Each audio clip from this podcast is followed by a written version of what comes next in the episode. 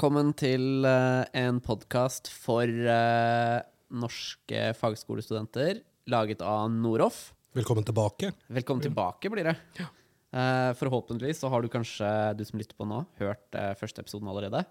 Og hvis du har gjort det, så veit du forhåpentligvis også hva vi skal prate om i dag. um, vi tenker jo å prate om Vi sa vi skulle introdusere Noroff. Prate litt om hvem er Noroff, og hva Ja, som, som en som ikke kjenner Noroff, hva, hva er Noroff, ikke sant? Tenkte vi skulle ta en liten dypdykk i det. Kanskje vi kan stille noen spørsmål som eh, dere som kanskje vurderer en videreutdannelse, eller kanskje vurderer å gå på fagskolen. Stille noen spørsmål som kanskje er relevant for dere å få svar på. Og så kommer vi til å avslutte med at jeg prater litt om eh, min opplevelse av å starte på Noroff, og hvordan det kom til å skje. Eh, så kan vi jo repetere, da. Eh, mitt navn er Niklas. Jeg er stu nasjonal studentrådsleder for Noroff og representerer studentene. Og med meg så har jeg med meg Åge. Bare sånn for å si, du sitter også i styret til Noroff. Det er sant. Yes. Eh, mitt navn er Åge Alexander Foss. Jeg er rektor ved Noroff fagskole. Så der har du oss. Ja. Eh, så da tenker jeg du, Åge, kan egentlig eh, starte med å bare Ja. introdusere Noroff. Noroff fagskole, Mm. først og fremst, er eh, en del av utdanningsgruppen Noroff. Så Noroff som helhet vi, eh, Noroff ble stiftet i 1987. Drev da med en del kurs og, og kompetanseheving. Um, tidlig 2000-tallet begynte vi med mer eh, ordinær skoledrift. Eh, fagskole, eh, etter hvert videregående skole. Og i 2012 så startet vi høyskolen vår. Så høyskolen vår er ganske ung, faktisk.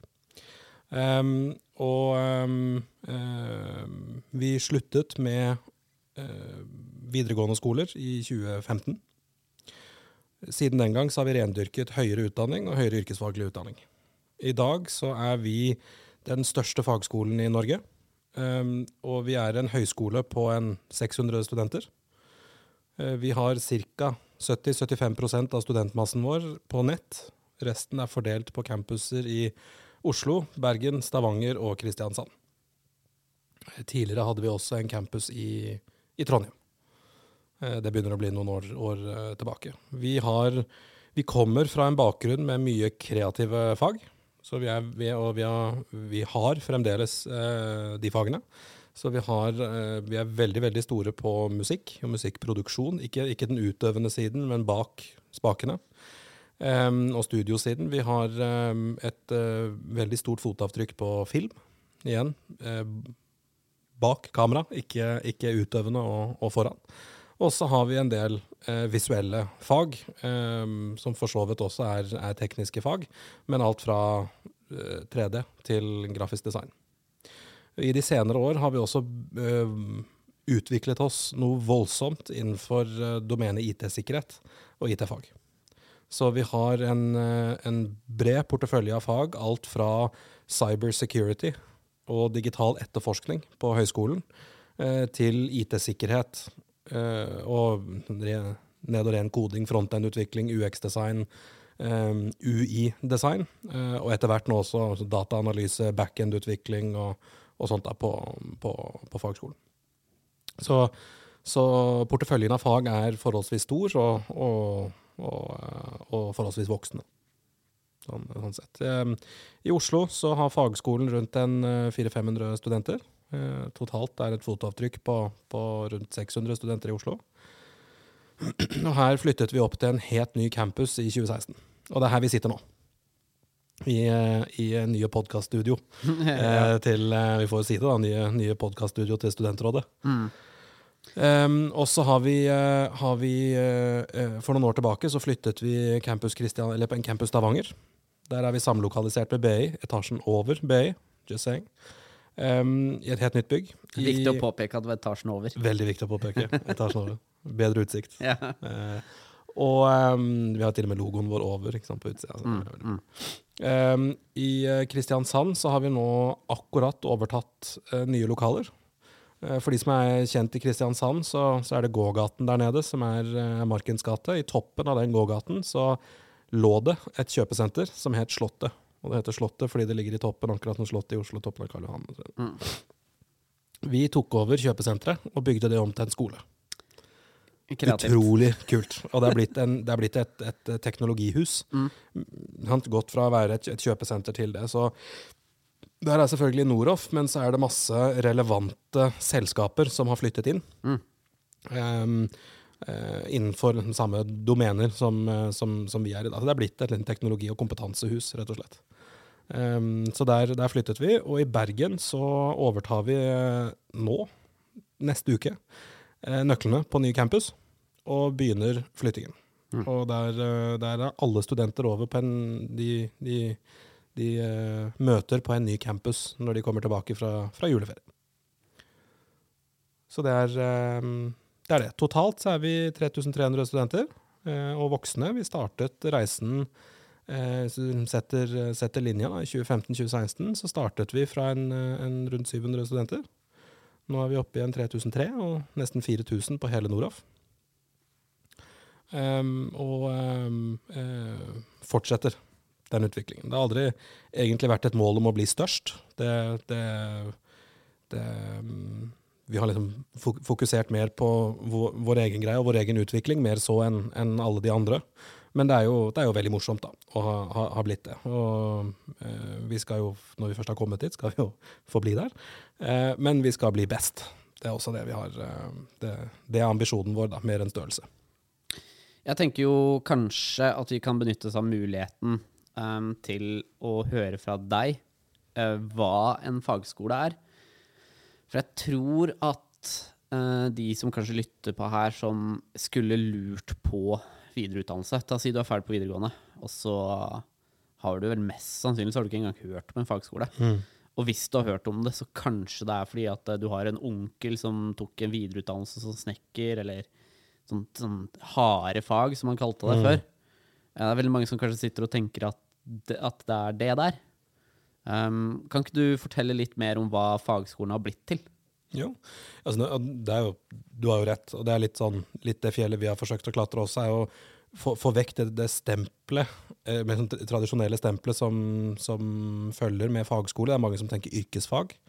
Veldig mange som kobler det til videregående skole, altså at det er en del av, av liksom det systemet. Det er det ikke. Det, det følger etter videregående. Um, um, utviklingen de siste fem, seks, syv årene for fagskolesektoren har jo vært at man, man har blitt anerkjent som høyere eh, yrkesfaglig utdanning. Eh, Man har fått studiepoeng.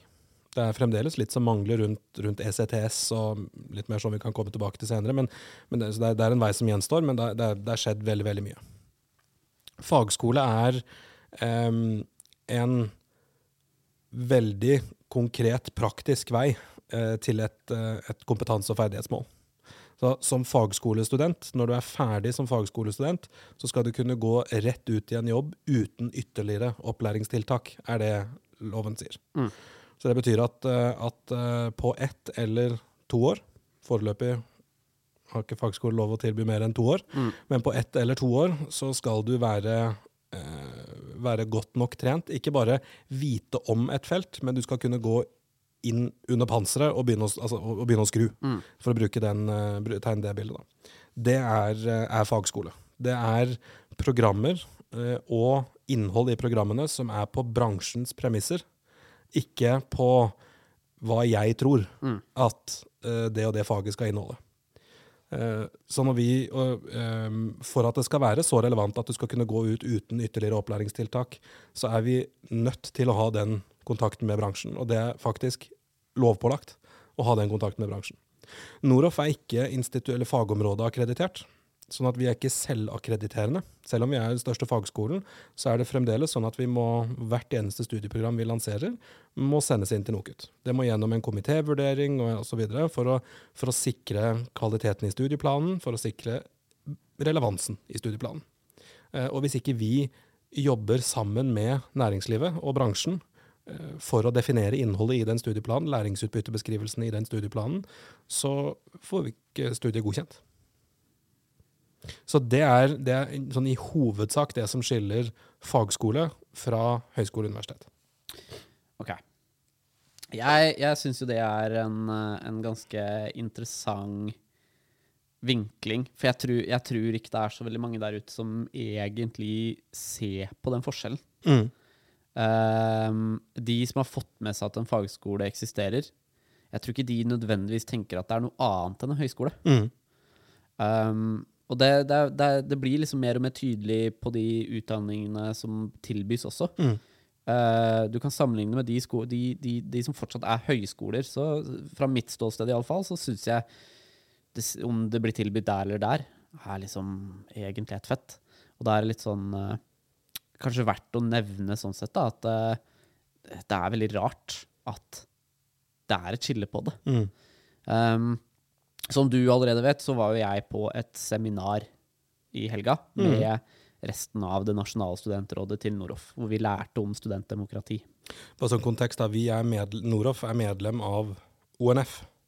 Så kan du kjøre en kort intro av ONF til folk før vi går videre. Ja, ONF det er eh, organisasjonen for norske fagskolestudenter, og det er de som fungerer som eh, eh, ta si, støttespilleren. Det er de som eh, sitter med litt eh, muskler bak oss studentene da, for, mot fagskolene.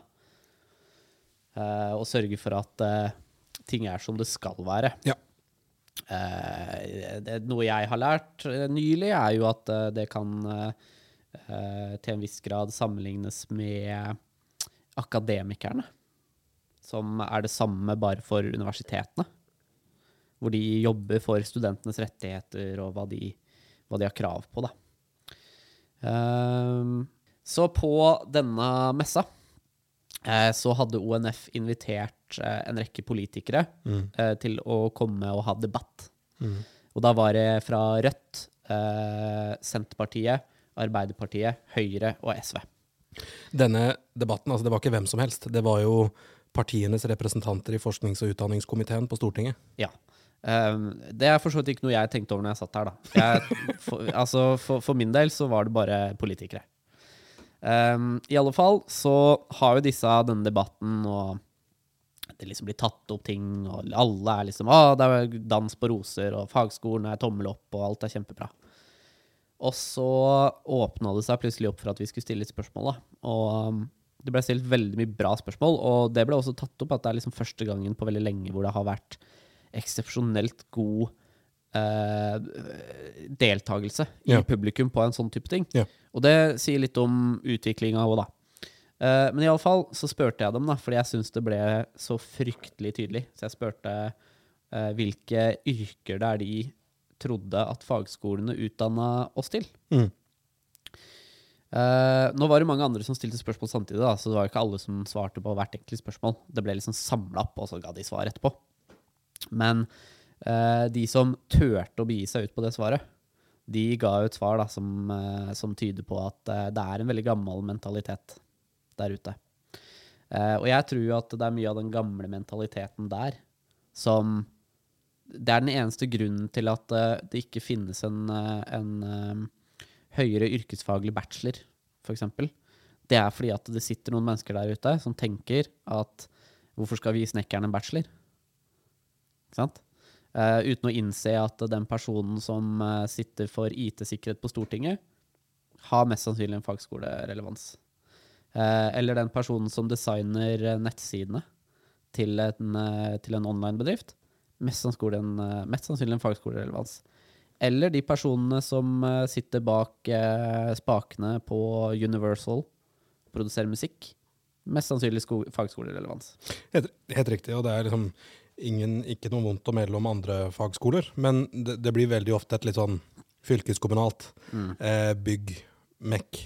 Eh, og og på et tidspunkt så var det jo det, men over de siste, altså fagskolesektoren har gått fra 11 000-12 000 studenter opp til 27 000 studenter nå i år. var vel det siste jeg så i DBH etter eh, rapporteringen nå i, nå i høst. Stemmer det? Eh, og den største veksten, om jeg ikke tar helt feil, den kommer jo på tekniske og administrative fag. Kanskje noe helsefag også.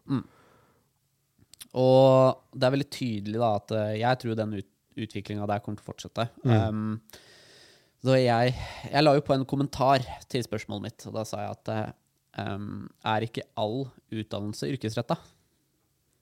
Og det er en sånn vinkling som, som gjør at eh, jeg personlig Vi prater jo litt om det her etterpå, da, eh, når jeg skal prate litt om meg. Men jeg tror jo at fagskolen er fremtida. Måten fagskolen opererer for å lære bort, er direkte tilkobla til jobbene du skal gjøre. Um, nå kan det godt hende at jeg pisser noen på leggen da, når jeg sier at uh, når du går på høyskole, så er ikke det nødvendigvis sant. Altså Når du går og tar et høyskole- et universitetsstudium, så er det ikke, en, eh, det er ikke et gitt yrke du kan gå til etterpå og si at 'dette kan jeg jobbe med'. Eh, Altså det er selvfølgelig, Du har noen fag som er der. Altså Hvis du tar et ingeniørfag, så jobber du som ingeniør. sant? Så det er ikke det jeg mener. Det er bare det at det er veldig mye sånne akademiske fag som skal liksom Tanken bak dem er at det skal stå utenfor arbeidsstanden. Og det er så jævlig rart. Det er, så, det er, det er en sånn kjempegammel mentalitet som ligger der ute, om at akademikerne skal være over arbeiderne. Og, det, og vi skal utdanne uavhengig av hva næringa trenger. Der er jo, der er jo det, det, det, Noroff har også en høyskole. Da må jeg bare få benytte muligheten til å si at vi, alle våre studieprogram, enten det er fagskole, høyskole eller den delen vi har som vi ikke har snakka om ennå, som heter Norof Accelerate, som jobber med ikke-akkreditert uh, utdanning. Men mer sånn en bedrift kommer, vi trenger å kompetanseheve, upskille eller reskille et antall her uten. Uh, men alle våre program fødes ut fra næringslivets behov innenfor den, en, en sektor, eller sant? Ehm, det, er, eh, det er våre egne interne kvalitetsprosesser også, hvis vi ikke kan, også på høyskolen, hvis vi ikke er sikre på at studentene går ut i jobb i etterkant, eller det er et marked på dette her, hvis ikke vi får det validert der ute, uh, så gjør ikke vi studieprogrammet. Det kan godt være et, det, det er fullt mulig at det er et kjempevolum i eh, filosofi, eller et kjempevolum i latin, eller no disrespect mot de som studerer en av delene, men det er ikke for oss. For hvis ikke vi, altså Det er mulig vi kan få masse studenter på det, men hvis ikke det er et behov ute i næringslivet for det, så er ikke det noe vi skal gjøre. Og det, Den går igjen på Det er liksom den røde tråden i Noroff. da. Uh, enten det er høyskole, fagskole eller uh, Accelerate. Jeg, jeg tror jo at det er mye av veksten bak fagskolen, er at det er flere og flere som tenker, tenker sånn. Um, det er flere og flere som innser at den typen skole jeg liker altså Da representerer jeg Gud og hvermann, ikke sant? Når de tenker sånn Hvis jeg skal gå tilbake til skolen, så skal jeg se at det er relevant. Uh, jeg skal vite hva det er jeg driver med. Og det er også kanskje noe av grunnen til at uh, man ser jo at fagskolen er en veldig voksende sektor for godt voksne mennesker. Ja, jeg skulle til å spørre, hva, hva tror du er snittalderen på Nordhoff blant studentene? 30. Ja, Det tror jeg. ja litt lavere. Men uh, hvis du tar en campusstudent, de er eh, Ok, så det er, det er lite skille mellom campus og online. Og det handler nok mer om livssituasjon og behovet for fleksibilitet, for en campusstudent er i snitt yngre. Så, eh, men snittet ligger på 21, ikke på 19 rett ut fra videregående. Han ligger allikevel på 21. Og vi har ikke treårige studier, vi har, vi har toårige. Så, så mange har noe kompetanse før de kommer hit. På nett så begynner snittet å krype over 25 og oppover mot 30. Og det varierer litt fra, fra program til program.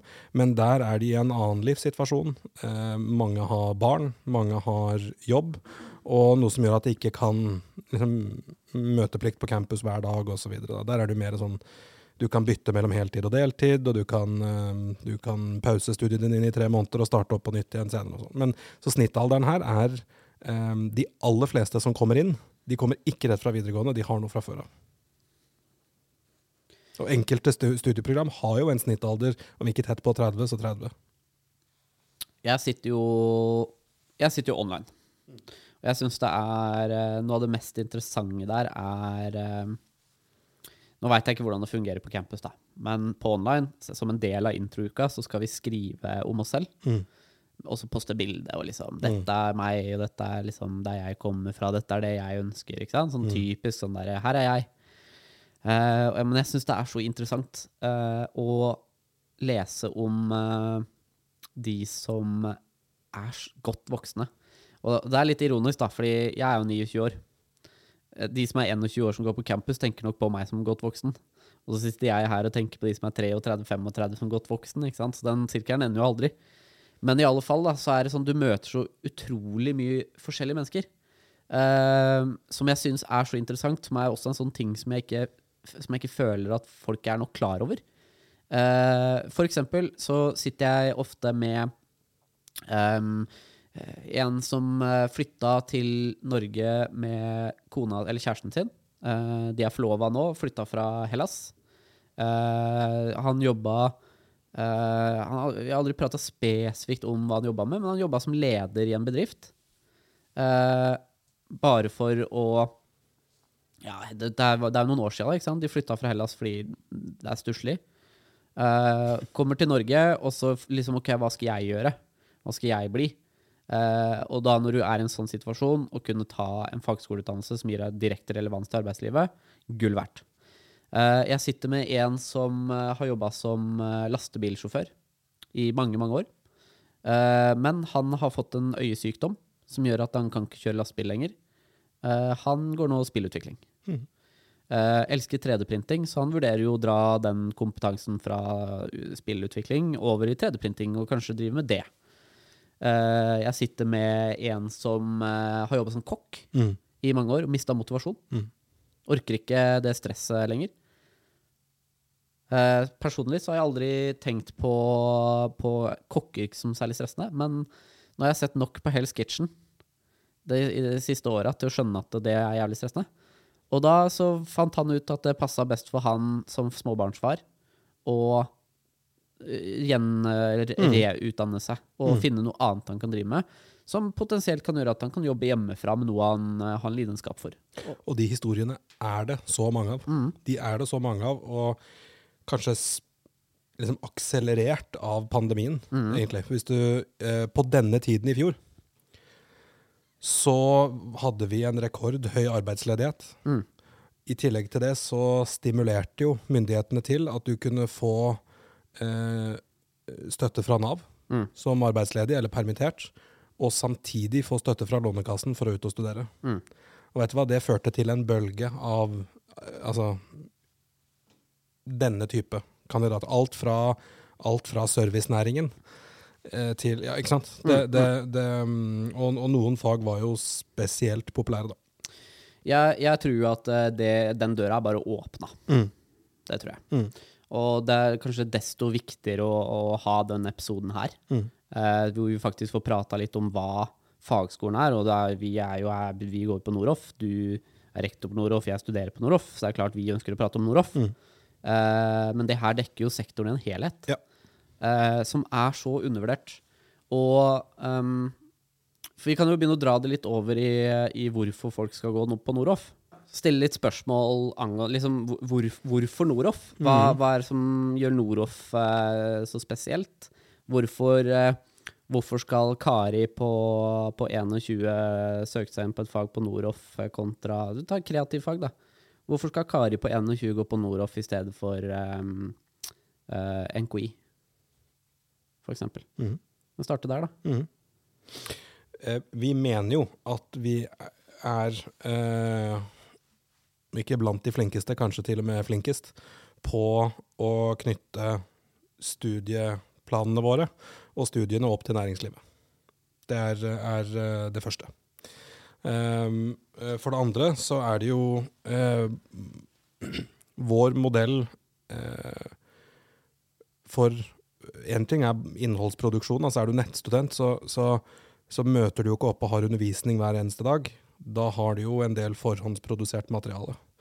Eh, men både måten det forhåndsproduserte materialet er laget på, hva som ligger bak det, og hvem som leverer det um, Trekker parallell over i klasserom. Der er det jo en lærer som du møter hver eneste dag. Jeg skal ta, ta ett eksempel, um, som er et veldig veldig godt eksempel hos Noroff. Det er lyd- og musikkproduksjon.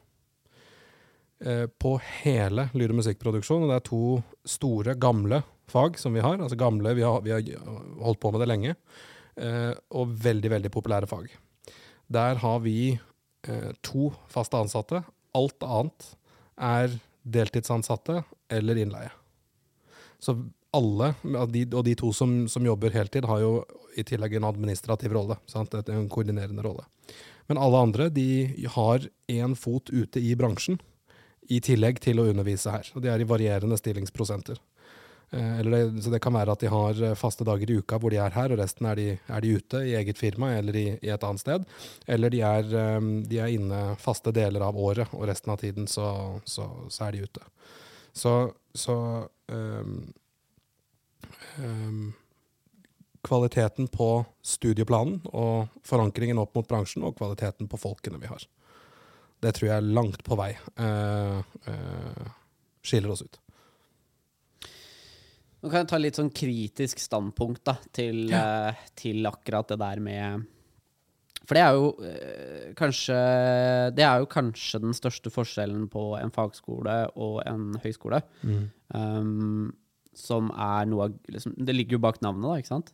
Uh, hvor høyskolen har mer forelesere og professorer, yep. mens fagskolen har yrkesfaglige folk som kommer fra bransjen. Vi har veldig få yrkeslærere, karrierelærere, folk som har liksom tenkt at det er lærer jeg skal bli, mm. og, så, og, så, komme hit. Vi har pedagoger, mm. men vi har, eh, vi har um, uh, veldig få som liksom har tatt, valgt uh, læreryrket, mm. uh, og så kommet hit. Og der kommer jo den lille kritikeren frem, da, ikke sant. Er det en, for, er det en fordel å få mm. en Fordi selv så har jeg vært borti plenty med folk som er jævlig dyktige i det de driver med, men de suger baller på å lære det bort. Mm. Mm. og det er, jo, altså det er jo en veldig relevant uh, skeptisisme for akkurat det der, da. Når man har yrkesfag, liksom. Altså, hvordan, hvordan vet jeg at den personen klarer å lære meg det? Vi har behov for begge deler. Så vi har eh, opp igjennom så har vi hatt eh, nøkkelpersonell ute for å få det som da heter praktisk pedagogisk utdanning, PPU, man kan bygge på. Eh, nå i senere tid er det jo kommet mer fagskolespesifikke pedagogikkprogrammer, fagskolepedagogikk. PPU var jo veldig ofte rettet, um, og nå er det sikkert mange som kommer til å korrigere meg, men var jo mye rettet mot barne- og ungdomsskolenivå. Men dette er jo liksom Dere er jo voksne, så det er, en, det, er, det er, annen, det er noe annet, da. Uh, i, i, fagskole enn det er i, i, i, grunnskole. Og nå er det kommet flere fagskolepedagogikk-studieprogrammer. Uh, vi har et uh, program nå i Noroff, et, et, kompetansehevingsprogram. Det er det største vi noensinne har gjort på kompetanseheving, men hvor vi har, vi har, tilbudt absolutt alle ansatte hos oss, fra ledelse til, til lærer, å ta pedagogikk. Ta fagskolepedagogikk gjennom eh, en universitetspartner her, i, her i, eh, i Oslo. Eh, ved siden av det så har vi jo mange, og det skal gå både på norsk og på engelsk, for vi har en, en, en kan komme tilbake til det også, men en, en stor andel av våre ansatte er engelsktalende først og fremst. Um, og det har med tilgang på kompetanse på, på, på lærersiden. Um, um, så, så det er liksom avveiningen mellom å finne noen som er skikkelig, skikkelig flinke praktikere, mm. og, i, og, og, og liksom virkelig hands on kan det vi skal undervise i, og samtidig har lærerbakgrunn. Og det er, litt, det er en litt sånn unicorn du er ute og leter etter. Enten så må fagskolene drive og stjele av hverandre og gå i sirkel på kompetanse, eller så, eller så, er du nødt til å finne den ene kompetansen, og så kompetanseheve på den andre siden. Mm. Og det vi har valgt, er også å si at vet du hva, det er først og fremst fagkompetansen vi skal ut og finne. Det er der spesialistene er. Mm. Vi skal ha en spesialist i eh, frontend-utvikling for mm. å komme inn og ta dette, eller i en, eh, enten en 3D-artist eller en og så skal vi kompetanseheve dem på pedagogikk. Ikke mm. andre veien. Mm. Ikke sånn at du kommer inn som en trent lærer, så skal du fordype deg i et fag, og så skal du, ikke sant? For da blir tilnærmingen til faget teoretisk og ikke praksis. Eller mm. praktisk. Så, så, det er ikke det ene utelukker ikke det andre, men det er en annen, annen inngangsvinkel. Da. Våre lærere, vi har en, en, en kravspesifikasjon på lærere også. Um, spesielt nå med nye kompetansekrav og litt sånt noe som kom i, i, uh, i uh, siste uh, tilsynsforskriften. Så, um, så, har vi utviklet en ny kravspesifikasjon for lærere som vi, vi følger når vi fremover nå ansetter. Så tenker jeg jo at um og begge deler må holdes ved like. Det er også en ting, ikke sant? Hvis du kommer hit og har bransjeerfaring, så kommer du hit og går fra bransje, og så får du fulltidsstilling hos Noraf. Mm. og dykker rett ned i klasserom, og det blir livet ditt. Mm. Enten et nettklasserom eller et fysisk klasserom. Og så går det, i mange bransjer, så går det ikke mer enn et år, og så er du Hvis du ikke har holdt kontakten ute med bransje, Mm. så i mange tilfeller er du faktisk utdatert. Ja. På, på noen felt. Og da er det liksom OK, hvordan skal vi da klare å holde de lærerne Ikke bare, ikke bare kompetanseheve de på pedagogikk, det skal vi selvfølgelig gjøre, Mm. men hvordan, hvordan klare å holde det oppdatert, opp, altså holde bransjekompetansen deres og fagkompetansen deres oppdatert. Holde de relevante. Holde de relevante, og Mm. deres kompetanse relevante. Flere måter å gjøre det på, men det er ikke rett fram. Nei, det er jo en utfordring. I bransjer som endrer seg så mye som mange av de bransjene vi snakker med, gjør. Men er det noe av grunnen bak hvorfor man velger å ha eh, lærere som er, har- er splitta? Hvor de jobber, fortsatt jobber, eh, men at de også underviser? Ja, da har du, da har du liksom mm, check eh, på bransjekompetansen. Da. Ja, fordi, fordi det er jo På en måte så er jo det bra, hvis man vet om det. Eh, jeg ser jo for meg at en utfordring her er jo hvis, eh, hvis du begynner å studere på en fagskole. Mhm. Du har lærer som er, jobber i bransjen. Kjempebra. ikke sant? Du har en relevant person du kan lære av. Men han er jo ikke like tilgjengelig. Sant? Eh, Eller hun. Eller hun. Eh, vedkommende vil i alle fall en store del av tida si måtte fokusere på sin jobb. Eh, og det kan man jo kanskje argumentere for at eh, er en ulempe igjen. Det er alltid noen som er tilgjengelig. Ja. Sant? Sånn at eh, det er eh, I eksempelet musikk Mm. Så har du jo et team av lærekrefter Mm. som står rundt deg som student. Og noen av lærerne er spesialisert på noen felt, og andre på andre felt. Og det, da, du, du får liksom flere strenger å, å, eh, å, å spille på. Noen lærere vil være mer tilgjengelig i noen perioder, og andre i andre. Og så har alle sammen et, en, en, et, et koordinerende administrativt lærerledd som de kan forholde seg til gjennom hele studiet. Mm. Men det er liksom forskjellige typer lærere som kommer inn og ut, avhengig av hvilken fase du er i. da. Hvilken del av studiet du er i. Vil ikke si at det kan For noen så vil jeg jo se for meg at det vil skape en Ikke en trygghet, men altså en sånn Du rekker liksom ikke å bli kjent med læreren din. Ja. Typ. Ja. Um, Der har vi jo en altså he- Helt enig, det er jo ikke en Skal jeg si, det, det, det er jo en ehm, eh, stabilitet, mm, man Det er en trade-off, da. mm. Eh, vi skulle gjerne hatt de fulltid, men da mister du den pulsen ute i, ute i bransjen. Mm. Um, Nesten vi- så det blir å velge mellom to, lesser of two evils. Ja, men jeg vil si at allikevel, det vi gjør, er ikke Det er, ikke, det det er liksom Vi har klart å mitigere all evil. Eh, eh, liksom Ja. eh, Omtrent, da, i, i, eh, i den modellen. Mm. Um, eh, selv de, de lærerne som jobber eh, for, for de lærerne som jobber deltid, så tror jeg jeg, jeg tror ikke, i hvert fall, og, og undersøkelsene våre ut mot dere studenter viser at det er, er det én ting de, de, dere studenter sier, så er det jo at lærerne er voldsomt tilgjengelige for dere. Mm. Sant? Mm. At det er en, når, når man trenger hjelp, når man trenger å snakke, så, så får man det. Det var jo en av de tingene vi skårte absolutt høyest på Mm. i oppstartsundersøkelsen som vi hadde nå i, nå i, nå i høst, Mm. for, for de som starta i august. Så ja. Vi kan jo avslutte litt med, med å spørre da om eh, hvordan kan jeg som elev stole på Student. at eh, Student, ja. Viktig forskjell. Hvordan kan jeg som student eh, stole på at Noroff ønsker meg som student mitt beste?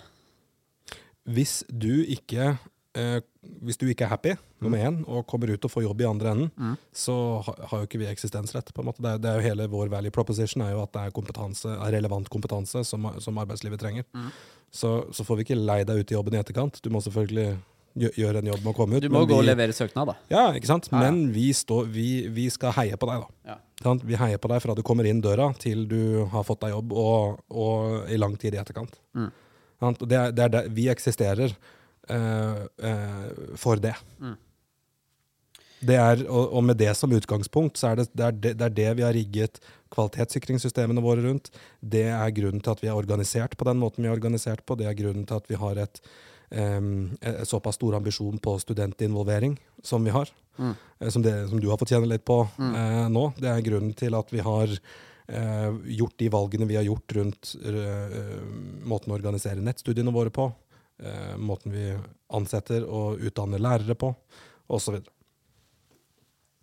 og så er det jo også et poeng da at Ta eksempel, det er selvfølgelig flere nettstudenter enn klasseromsstudenter, men hos oss så kommer du ikke i et auditorie og sitter i det auditoriet sammen med 400-500, eller bare et par hundre kanskje, andre studenter.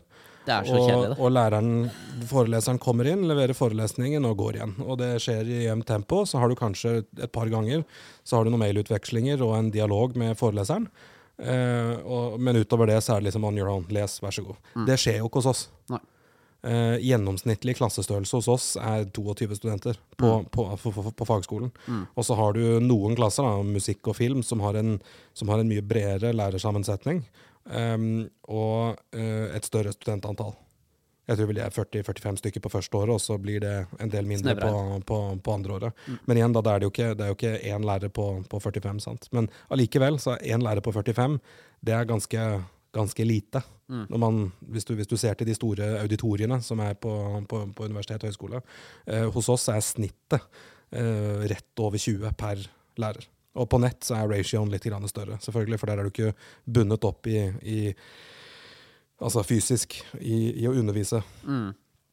eh, fire dager i uka. Um, men uh, allikevel, da, så, så, så er det forholdsvis lav, eh, lav ratio. Mm.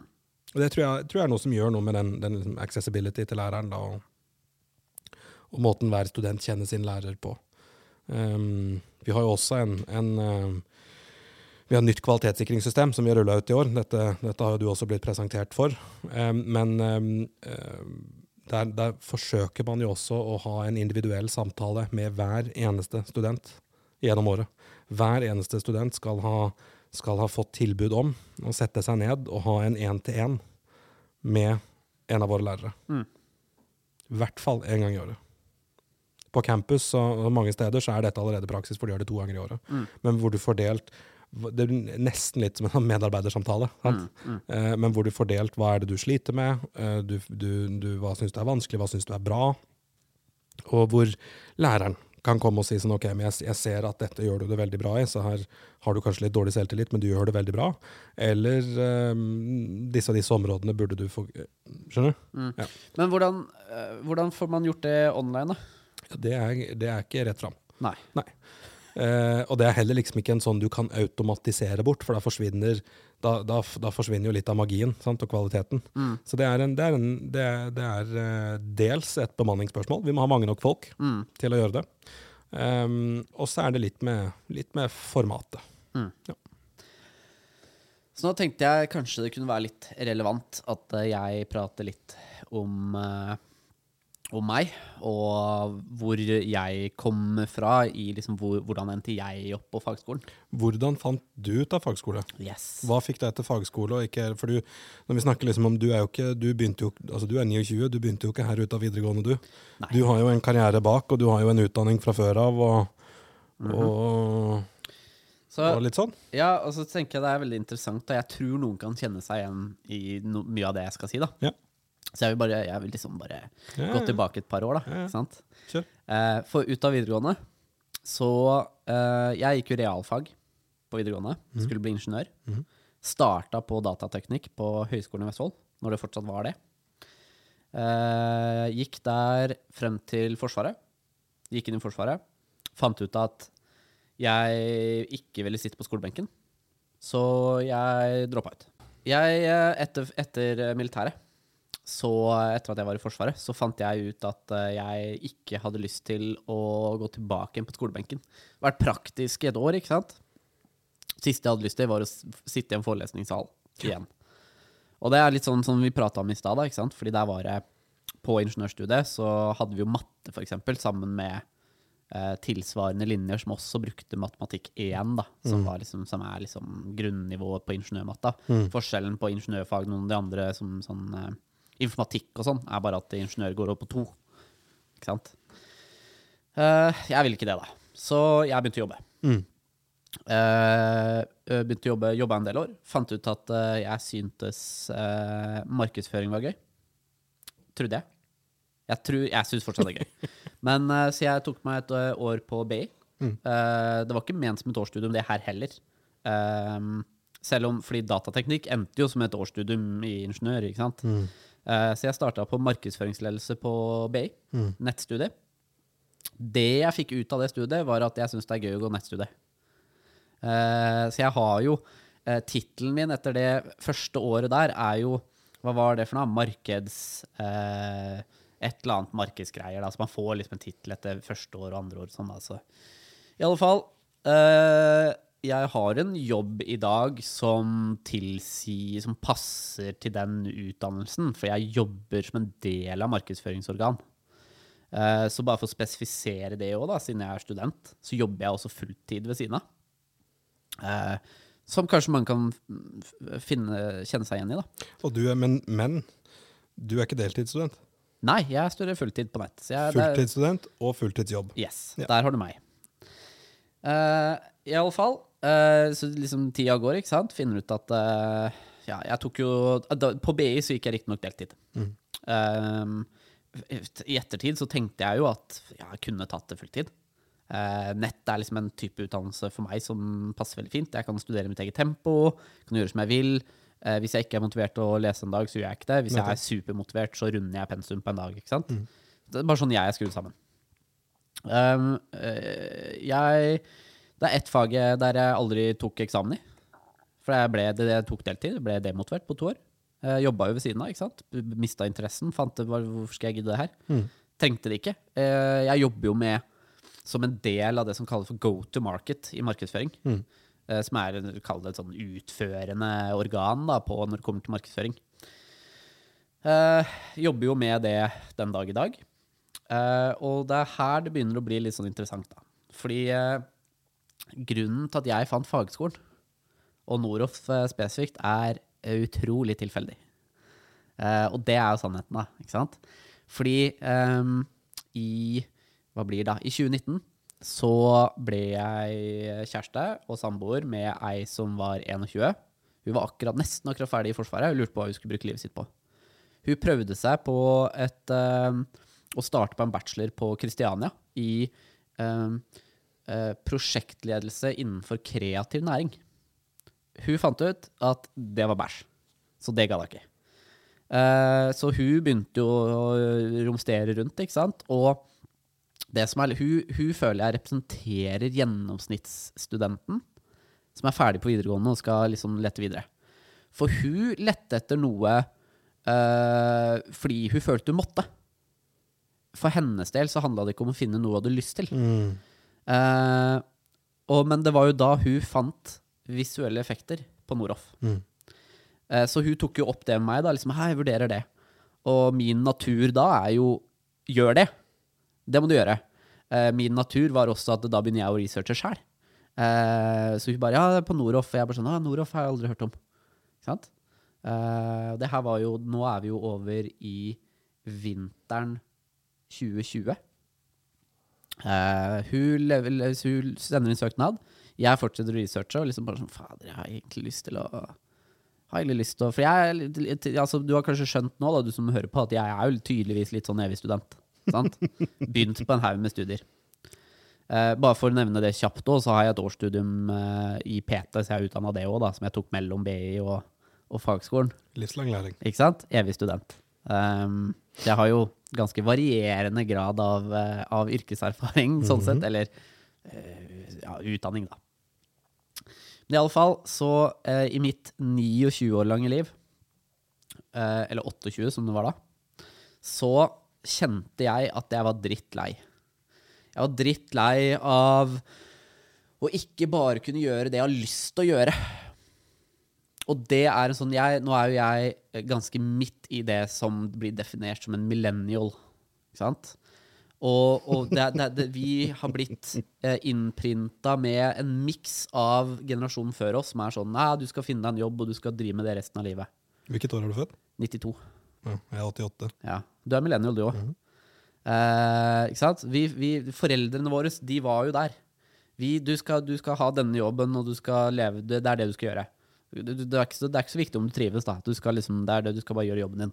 basically. Ja, der var det liksom ta den utdannelsen, Ja. få den kompetansen, og den har en halveringstid på 30 år eller noe, ikke sant? Ut, og off you go. Ja.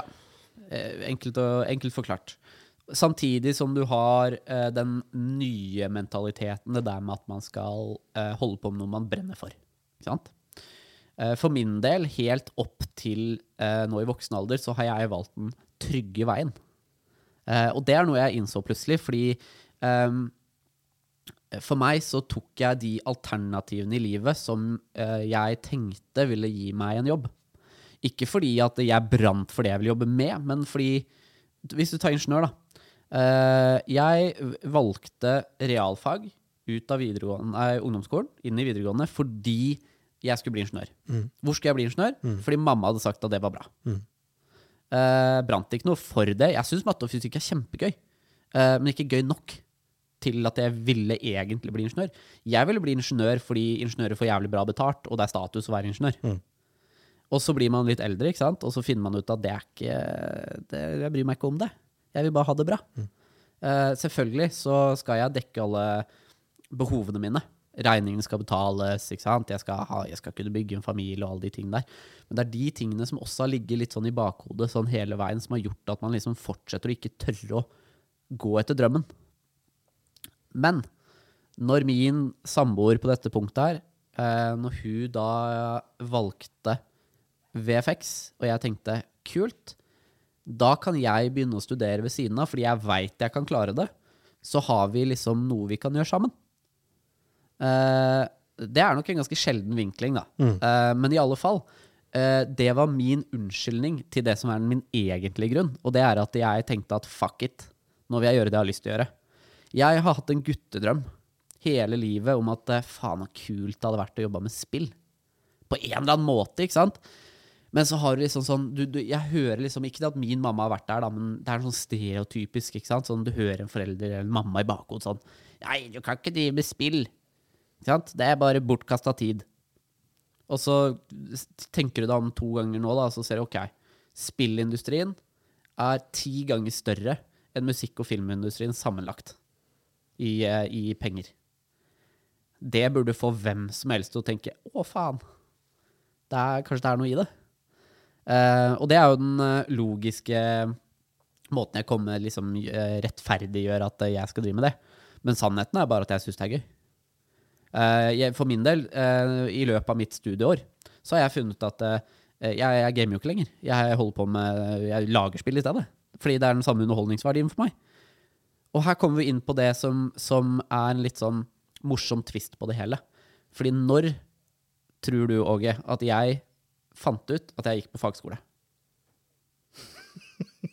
Jeg håper jo det var et, et valg du tok som en konsekvens av at daværende samboer begynte på fagskole. Ja, men det er det som er interessant, for det er ingen av oss som tenkte på det som fagskole. Nei, ikke sant? Vi tenkte ikke på det som fagskole før jeg tror det var rundt mars. Før sommeren. Altså vi er ett og et halvt semester inn i studiet vårt. Hvor vi da begynner liksom å Fordi Grunnen til at vi begynte å tenke på det, skjønner du, det er fordi at Noroff hadde en sånn International Day. Hvor disse samarbeidsskolene i utlandet fikk komme og prate. Og da prata man om liksom dette med to pluss én.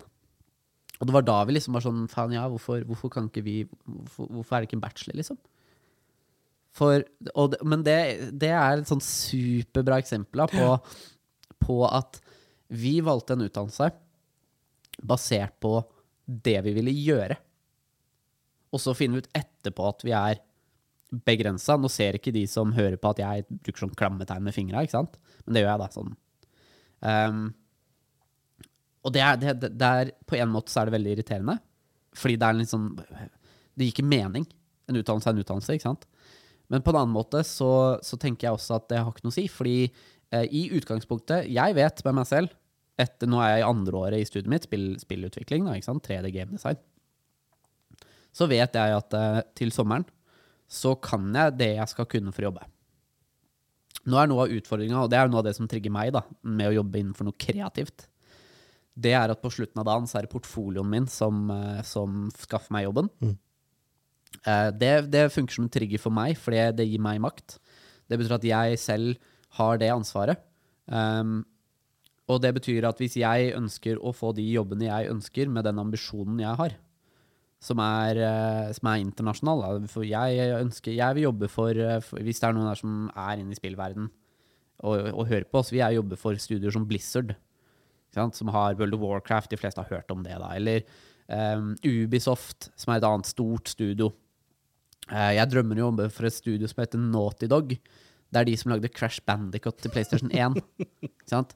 De har jo, de har jo eh, lagd de feteste historiedrevne spillene vi har den dag i dag. Der ligger ambisjonen min. Uh, og for å komme dit, så, så er jeg nødt til å legge ned innsatsen. Noroff gir meg verktøyene jeg trenger for å legge ned den innsatsen. Uh, og det er det jeg får ut av det studiet her. Um, på slutten av dagen så gir jo jeg beng i om jeg har en fagskoleutdannelse eller whatever. På slutten av dagen så er det viktigst for meg at jeg kan det jeg må kunne for å vise at jeg kan det jeg kan. Liksom eh, t- tongue twister. Uh, men, men så, så igjen da, så er det litt sånn Det er noen sånne paralleller her da, som, som er litt sånn rart, fordi på en måte så går man tar en utdannelse. Eh, og så er liksom Ja, OK, du, du går fagskoleutdannelse, og så sier vi Å ja, gjør jeg det, ja? Ja ja, OK. Greit. Eh, hva betyr egentlig det? Ja, så nå har jo jeg valgt en fagskoleutdannelse hvor det ikke har noen ting å si. Om, det er, om jeg lærer det her eller et annet sted, det er jo liksom Da vil jeg jo lære det der jeg lærer det best. Og i dette tilfellet Min konklusjon var jo at det var Noroff. Um, så det er ikke sånn at jeg uh, bare valgte Altså, jeg gjorde min egen research, ikke sant, som jeg var inne på i stad, og jeg kom jo til samme konklusjon, kanskje en litt mer detaljert konklusjon enn det min ekssamboer kom, kom frem til.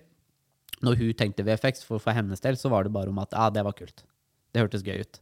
For min del så handla det om å følge- drømmen. drømmen.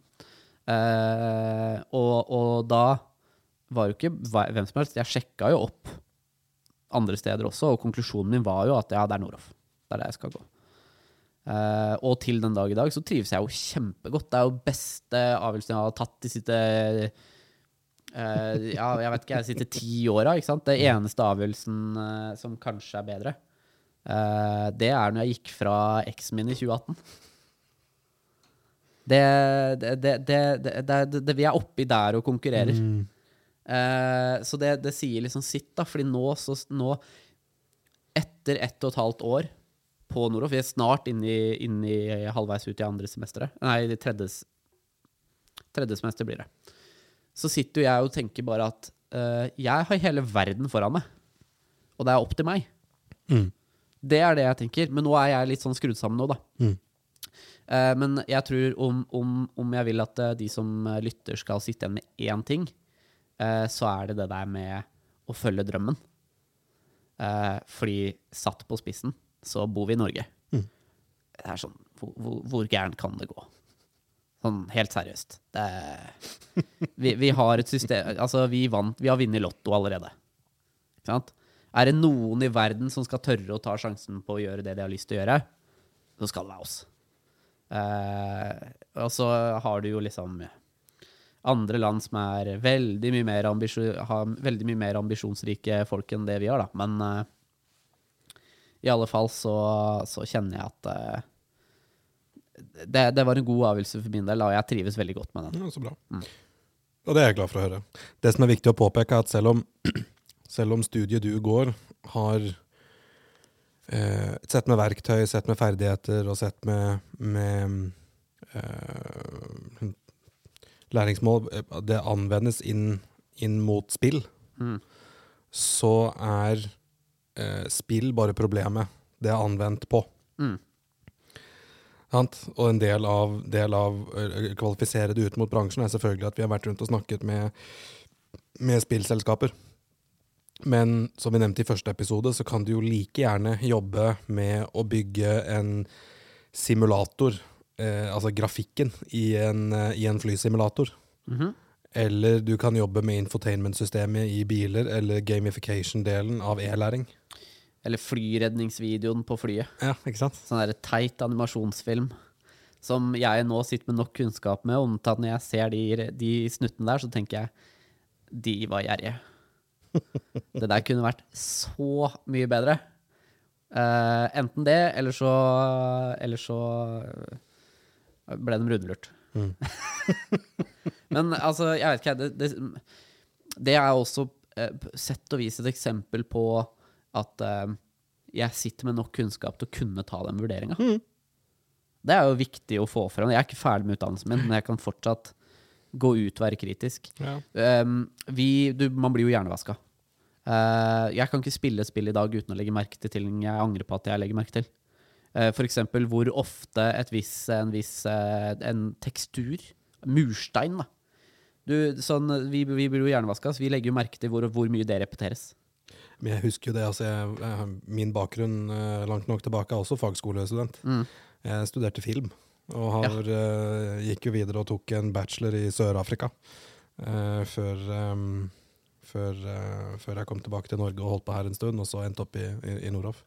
Men jeg husker jo det som filmstudent, at jeg kunne jo, ikke, kunne jo liksom ikke se en, se en film uten å, begynne, eller uten å analysere den, og så bare Oi, ja, der har de der var det gjenskinn fra en lampe, eller eh, Det kunne vært noe annerledes. der har de gjort det og det. Ja, eller også, liksom som, eh, som nyutdanna filmstudent så er du verdensmester, sant? så her tenker jeg dette hadde jeg gjort annerledes. Mm. Men liksom at du, du eh, Ja, du kjenner meg igjen.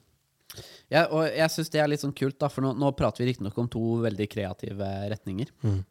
Eh, men det er kanskje også eh, den største forskjellen på um, en type fagskoleutdannelse som er så spesifikt retta, eh, kontra en høyskole. Det er klart, studerer du filosofi, tar en bachelor i filosofi, så du trenger ikke ha en bachelor i filosofi for å spørre hva, hva det betyr å være menneske. Um, men når du, når du sitter på skolen og du lærer om filosofi Ja, du lærer deg kanskje konkret om det, men du klarer ikke nødvendig Nå antar jeg selvfølgelig bare, det er bare det jeg har sagt. Jeg har jo ikke peiling på hva jeg prater om. Eh, men sånn som jeg ser for meg, da, så er det vanskeligere for en sånn type utdannelse, som ikke er spesifikt retta noe sted, å sitte og tenke Å, det i det yrket ville jeg gjort annerledes. Men det er jo, det er jo eh, eh, Ta et eksempel av digital markedsføring. Der har vi utrolig mange studenter som har en master eller en bachelorgrad fra før av. Mm. Eh, ofte da ta, ta, ta et veldig godt eksempel. At de kommer med en, en eh, marketing-bachelor Mm. fra en eller annen skole. Mm. Eh, og så har de lært masse, masse om marketing. Mhm. Men de kan ikke åpne panser og gå ned og begynne å skru selv. Nei. Så det er mange, i mange tilfeller, da. Um, og og da, da er det en del av de som kommer hit og tar det rett og slett som et rent sånn praktisk top-up Mm. på den akademiske kompetansen og teoretiske eh, kompetansen de sitter med, for å lære å anvende kompetansen i praksis. Mm. Og lære å gå ned og jobbe i verktøyene, og kunne, kunne kombinere kanskje strategifaget som de har hatt, Mm. med sånn det rent praktiske. Eh, eh, Det er den beste sammenligning jeg kan, eh, kan komme på, det er eh, Og du som driver et eh, jaktlag, mm -hmm. kan sikkert relatere til det her. Én ting er å vite teoretisk hvordan du skyter, mhm. en annen ting er å skyte. Mhm. Det er eh, de alle som har skutt et våpen, de kjenner igjen den der. Det er jeg sikker på. Ja. uh, ja, jeg uh, Jeg føler jo at uh, Fått dekka mye i dag. Ja, vi har fått dekka mye i dag. Uh, og så er det litt sånn Jeg har jo tatt veldig mye online. Mm. Så jeg vet ikke om kanskje vi skal avslutte, fordi Noroff er veldig mye online. Mm. Um, så jeg har kanskje uh, Siden jeg har disse tidligere erfaringene jeg har med BI og med AFPT, begge de var online, Mm. uh, og dra noen uh, paralleller som, som jeg tenker at kan være nyttig på en måte. Eh, det er noen ting som jeg ser er bedre med online jeg opplever nå, eh, kontra mot BI, eksempel. BI er jo stort, sant?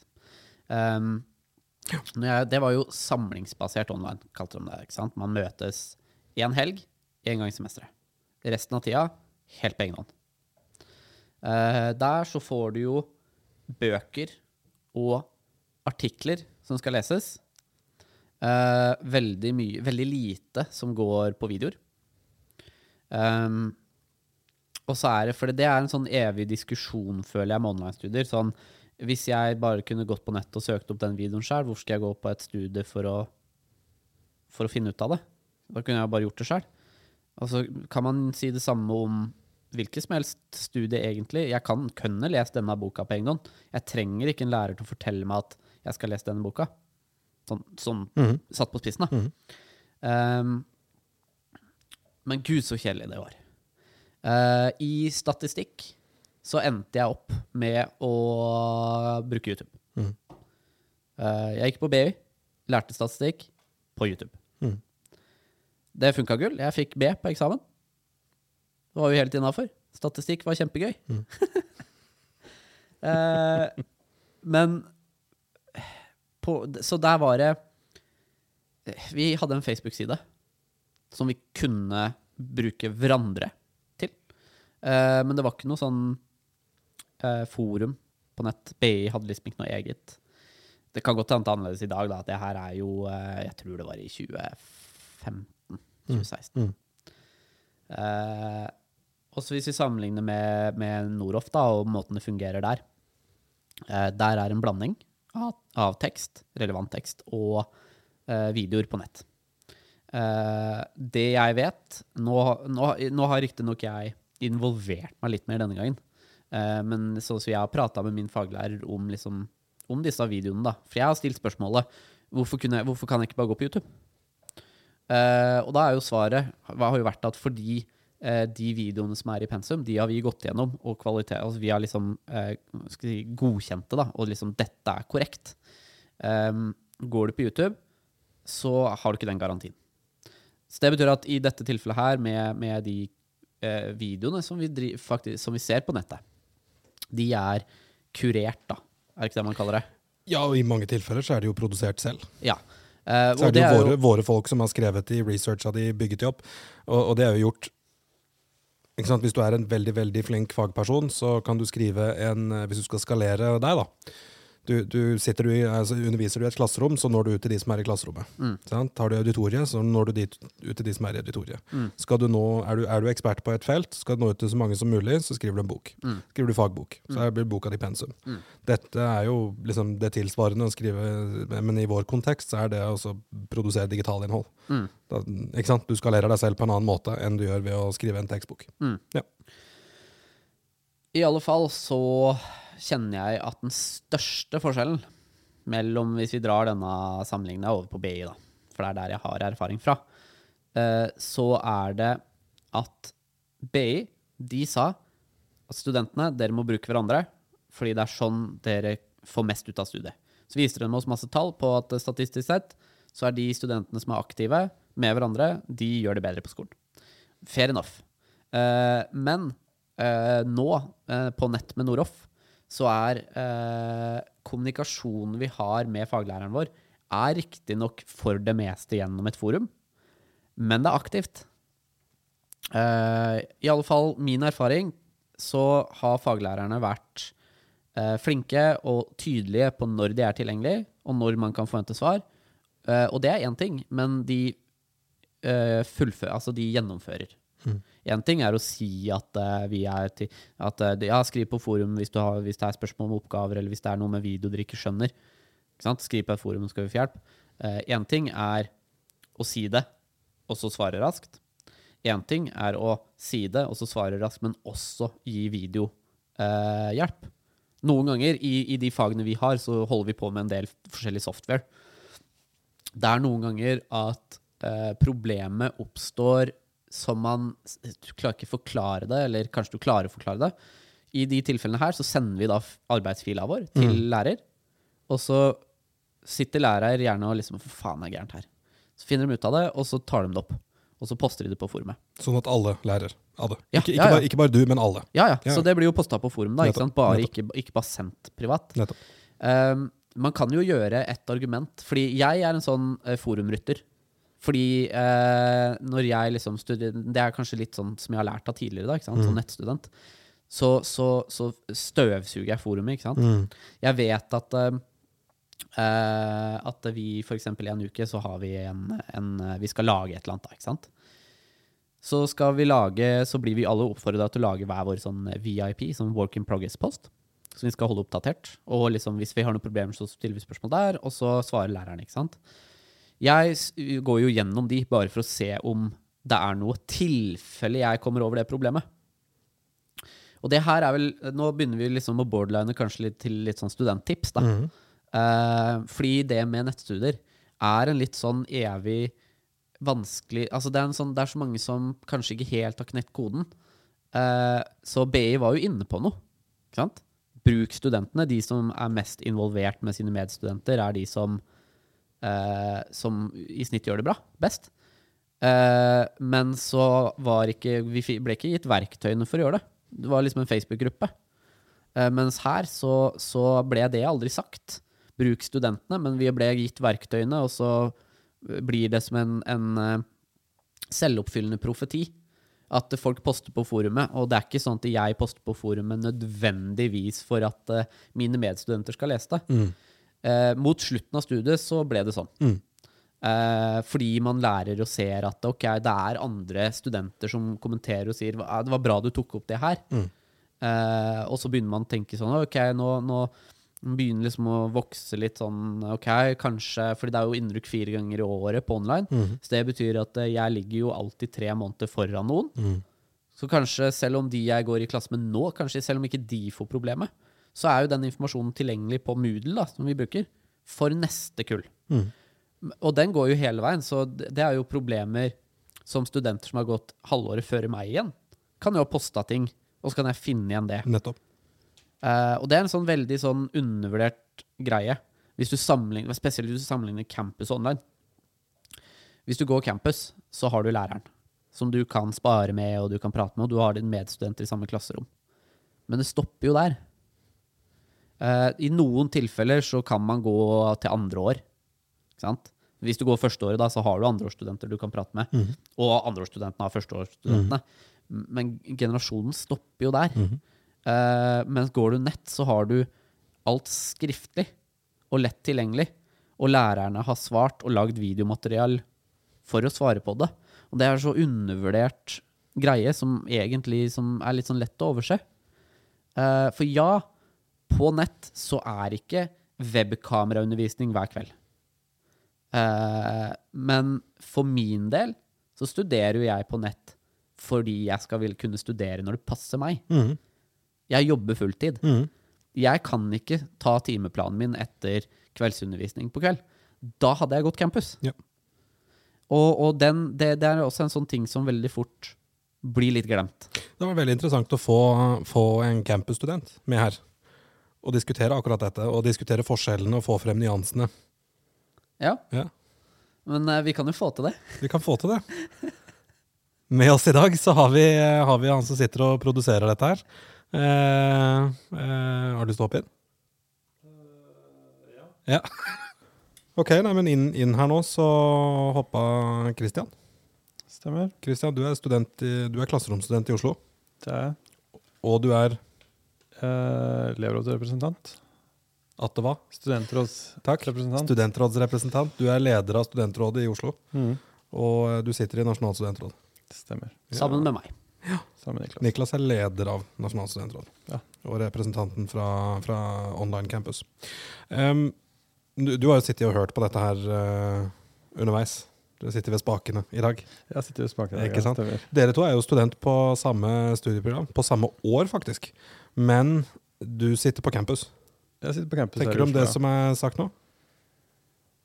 Eh, jeg syns jo det er ganske interessant, fordi det hadde jo for min del også vært kult å kunne gå tilbake igjen og se andres feil over tid. Tidligere. Det er gull verdt.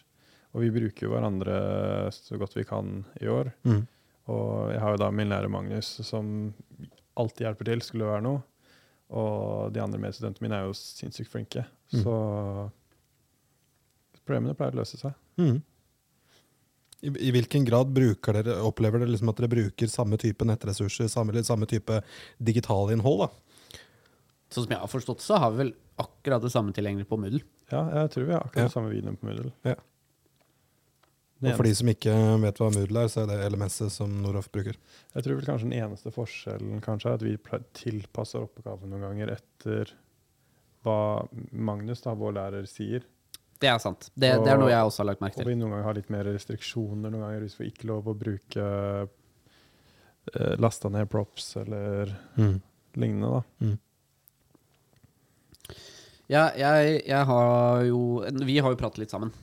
Og, og det er kanskje um, Hvis man tenker sånn fordeler og ulemper, da. ikke sant? Eh, Campus online, hva passer hvem, og hva, hva får man ut av det og sånn.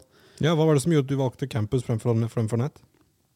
Uh, rett og slett for jeg, jeg er ikke noe glad i å være nettstudent. Ja. Uh, jeg liker å ha en fysisk lærer som kan komme og sitte ned og hjelpe meg med problemer jeg har. Og jeg, synes litt- jeg blir litt mer motivert av å dra på campus mm. og se andre, se andre mennesker, rett og slett. Mm. Du jobber ved siden av du òg, ikke? Jeg jobber ved siden av skolen. Jobber du fulltid? Jeg jobber 40 Du jobber 40 sånn. ja. Mhm. Men men det er det ikke tilsvarende, du jobber jo ikke egentlig mer. Uh, jeg, jeg, det hender at jeg jobber litt mer enn det Ja. enn 40% Men åssen åssen har det gått med, med campuslivet, da? Uh, ja, det blir til litt mye stress, da. For det er jo oppgaver som skal leveres, og det er jo timer jeg helst vil få med meg, som jeg kanskje ikke får med meg. Og- Åssen tar du igjen det? Nei, det blir jo å spørre studenter jeg har i klassen, eller høre med læreren min Magnus om han kan ta det opp, eller legge ut informasjon, så jeg kan bare se over etterpå, som powerpointer eller andre dokumenter han har liggende. Mhm. Mange studenter er dere i klassen? Vi er vel en 14, tror jeg. Nettopp. Så vi har blitt litt mindre klasse i år. Mhm. Åssen mm. åssen foregår egentlig en gjennomsnittlig undervisningsdag? Eh, vi pleier som regel å begynne med lecture i noen timer, og så gå over til guidance. Hva er forskjellen på de? Hva er forskjellen for de som hører på? Det er forskjell på guidance og lecture. Mm. På lecture så er det mange som står og fysisk underviser oss om et, et emne og går gjennom ukesoppgaven, f.eks. i starten av uka. Og når du går over til guidance, så er han gjerne fysisk i klasserommet, men du begynner på oppgaven. Han går fra PC til PC og hjelper til, liksom? Ja, Hvis det er noen som trenger Mm. hjelp, og Mm. det er noe, som, ja, noe du ikke har forstått. Mm. Eller så sitter han i kontoret, og det er bare å sende en melding, så kommer han tilbake igjen. Mm. Så for oss fungerer det veldig bra. Mhm. Dere har det fire dager i uka? Fem dager i uka? Ja, Fem? Ja, Det blir for så fire for mandag er studiedag, men Og studiedag betyr? da står du fritt til å jobbe enten på skole eller hjemme. Mm. Og Magnus vil være tilgjengelig på enten Teams eller på skolen. Mm. Men det er ikke noe fysisk undervisning den dagen. Mm. Og innleveringsdager for dere er på søndager? Søndager. Midnatt, midnatt, Midnatt. søndag. Altså, innleveringsfrist. Det betyr Mm. ikke at du trenger å, å vente til søndag. Jo. Alltid. Alltid. Kan ikke levere før. Nei. Men det er jo litt sånn interessant, da, fordi um, vi går akkurat samme studieløp. Starta helt likt. Er på samme sted i studieplan. Uh, og da er det liksom Det er alltid interessant å liksom Fordi uh, det som er veldig tydelig, da, som jeg ser, eh, som er liksom den typiske campusstudenten som ikke er 19 år, eh, de har kommet langt nok i livet til å skjønne sjæl hva de trenger for å komme gjennom studiet. Gammel er du, Kristian? Eh, Jeg er 25. Ja, nettopp. Så han har jo skjønt at hvis han skal få gjort skoleoppgaver, så trenger han å være et sted. Sant? Fordi, Ja, absolutt. Eh, Jeg, hadde ikke- jeg syns det var vanskelig i fjor, når vi hadde hjemmeundervisning. Mhm. Rett og slett. Ja, fordi du ikke møter andre, og læreren er ikke fysisk til stede. Mm. Det gjør det vanskeligere å finne motivasjon til, Mm. for min del, å møte opp. Mm. Og det var det mange andre som sleit med i fjor og i min klasse. Åssen var det hos deg, Niklas? Nei, altså, jeg, jeg merka jo ikke forskjell. Eh, Om det var korona, Mm. har det skjedd? Det, er- ja, altså, jeg merka det pga. jobben, da, for jeg var jo permittert. Ja. Eh, men for, for studiet sin del så var det jo ett fett. Mm. Lærer var like tilgjengelig uansett, for han var- satt jo hjemme og mm. var tilgjengelig på Mull. Mm. Begge lærerne, for så vidt. Eh, så så det, jeg var like motivert som alltid, det. Egentlig. Så, så for min del så jo ikke, var jo ikke korona var liksom ikke en greie for studiet. Jeg husker jeg og, og eksen, vi sa vi, på et punkt, da, så sa vi bare sånn Faen, så glad, glad vi er for at vi valgte nett, og ikke, ikke campus. Og det var litt sånn, ikke, ikke nødvendigvis for Noroff, da, men vi så liksom alle disse folka da, som plutselig ble sendt hjem Mm. og måtte ta studiet hjemme. Mm. Eh, Du har noen ting som det er veldig mye lettere på. enn eh, Ja, man har måter man lærer på. Eh, er åpenbart litt mer avhengig av den fysiske tilnærmelsen til å få noe servert. For han så hjelper det å ha læreren ved siden av som fysisk flytter musa foran, så han kan se der og ha øyekontakt med læreren sin. For det er sånn han lærer. Ikke sant? Det er sånn han prosesserer den informasjonen best. Eller? Eh, jo, jo. Det, det er ikke helt usant, det du sier. Det, men jeg vil jo si det kommer liksom litt an på stoff. Noe, Selvfølgelig. Noen ting tar man lettere enn andre ting. men akkurat nå, i det studiet her, så er jeg helt enig. Jeg, jeg tror ikke jeg hadde klart uh, Mm. Hadde jeg bare vært hjemme. En, en rød tråd gjennom uh, noen år med å se på resultater fra studentundersøkelser og sånt, så er det jo også ofte at det er et uh, i hvert fall større uttalt eh, behov for det sosiale aspektet for campusstudenter enn det er for nettstudenter. Det er mulig det, det, det, har sine årsaker, det òg, men hva, hva, hva, hva Hvis dere skulle snakke litt høyt med hverandre, liksom, hva er forskjellen på det, å, det- altså det sosiale, det studentlivet, rett og slett, da, ved å gå på, på nett fremfor å gå på en campus? Det er, jo, det er jo klart det er en forskjell. Ja, er det det? Ja, altså det, men, men du, du har øh, ehm, eh, Christian, dere kan, kan ha en Dere kan fysisk gå ut og kjøre stipendpils. Ja, men Eller vi, kan, dere- kan jo det på Jeg tror Ja. det er mange som gjør det på online også. Ja. Som ikke bor for langt unna hverandre, eller avtaler. avtaler. for der har, du, der har du forskjellen. At, eh, at det var, liksom det jeg skulle frem til. Ja. Der, eh, der eh, dere, Niklas, er jo distribuert over hele landet. I mange tilfeller så sitter de jo en del i utlandet også. Ja, jeg, de to jeg sitter mest med på studiet, Ja. uh, eller han, han ene av de to, Ja. sitter jo i Tyskland. Ja. Han er tysk. Ja. Eh, han andre er jo han fra Hellas, som jeg prata om. Han, men han bor jo i Oslo, da. Og du bor ikke i Oslo. Jeg bor ikke i Oslo. Nei. Jeg bor i Horten. Ja, nettopp. Eh, men eh, jeg tenker at behov og eh, ønske trenger ikke å henge sammen med hvorfor man velger å gå online eller campus. Fordi det, min erfaring, da, det jeg har lært liksom med nå som jeg har liksom blitt litt sånn ekstra engasjert, da? Eh, jeg jobber jo også som mentor på Noroff, så jeg hjelper jo også førsteårsstudenter og er veldig involvert i, i alle studentene. Og, og det, det, er liksom, det er så mange som har hørt om nettstudier fra medstudenter, og så har de liksom blitt Nei, nei. Studentliv, det er ikke eksisterende hvis du har nett. Og så blir de så letta når de kommer inn i det, og de opplever at det, jo, det er det. Selvfølgelig så kan du ikke sammenligne det å sitte og prate sammen over nettet med det å eh, fysisk møte hverandre i et klasserom. Det er, det er, det er så klart en, en forskjell på å sitte og se hverandre i øynene og sitte på hver, hver sin side av noen PC-er. Uten tvil. Absolutt. Men, men, men eh, det, det som jeg tror veldig mange blir litt sånn overraska over, er at det er et behov for sosial tilnærming. Selv om folk eh, velger nett. Men jeg tror at grunnene til at man velger nett, er noe annet i dag enn det var for eh, ja, bare fem år siden. Jeg tror de som valgte nett for fem år siden, valgte det ikke av praktiske årsaker så mye som personlige årsaker. Som at de bare trives bedre alene. Eller at det av andre litt sånne type grunner valgte å bli hjemme. Nå så handler det om at folk ønsker å gjøre mer. Jeg ønsker å ha en jobb, men jeg ønsker å studere også. Og derfor går jeg nett. Ikke fordi at jeg ikke vil møte Per i gangen. Ikke sant? Mm. Uh, men jeg tror bare at i dag så handler jo om du går campus eller nett, handler jo mer om ja, altså, må, hvordan man lærer. Det tror jeg er den største forskjellen på nett og campus. Eh, Men jeg tror behovet for sosial eh, tilnærmelse er, er eh, like stort på begge deler. Ja, også, jeg også tror, men så tror jeg kanskje det er mange på nett, for du går jo nett, som bare kan skru på et webcam for å si f.eks. bruke Teams eller Discord og sitte der og prate sammen og se hverandre. At det holder for mange. Mm, det gjør det. Mens for min del igjen så så er jeg mer glad i å kunne møte de andre og sitte fysisk og sitere og jobbe sammen. Mm. Skal vi runde av? Kan vi ikke det? Ok.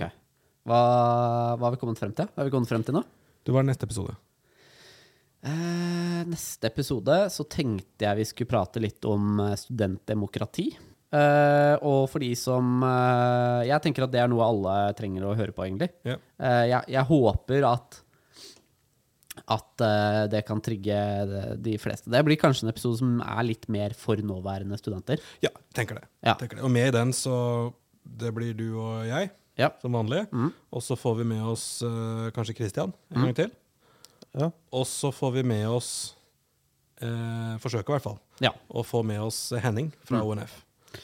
prate litt om hvor, eh, hvor viktig det er at vi involverer oss i studiet, og at vi, noen må uh, altså tale for studentene. På slutten av dagen så er vi vårt eget kontrollorgan, eh, og den må vi bruke. Ja. Enkelt og greit. Så da tenker jeg vi runder av der, pent. Eh, og så bare takk til Kristian som var så sporty og bare eh, hoppa rett Hoppa inn. rett inn. Eh, og så takk til deg som hørte på. Mm. Eh, og så vil jeg gjerne oppfordre eh, folk, hvis, de, hvis det er noe, hvis det er noe de tenker og lurer på og grubler på, og tenker at det kunne vært kult å hørt på podkast, så syns jeg de skal sende det inn til eh, Vet du hva dere kan gjøre? ja. Alle våre studenter har en Teams-konto. ja. De av dere som har en sak dere ønsker å ta opp, finn Niklas på Teams. Kjør på. Jeg heter Niklas Frogner. Yes. Dette er insentiv til å få folk til å begynne å bruke Teams. Ja. Ja, ja, ja. Og, eh, og send det inn. Eller du kan eh, ta det opp eh, med, eh, via studentdemokratiet ditt. og ta det med, med leder av studentrådet i den byen du sitter. Si by, fordi Niklas er leder også for eh, nettstudentene. Mm. Ålreit? Så takk for at du tuna inn denne gangen, og så ses vi neste gang når vi skal prate om studentdemokrati. Snakkes. Ha det! Ha det.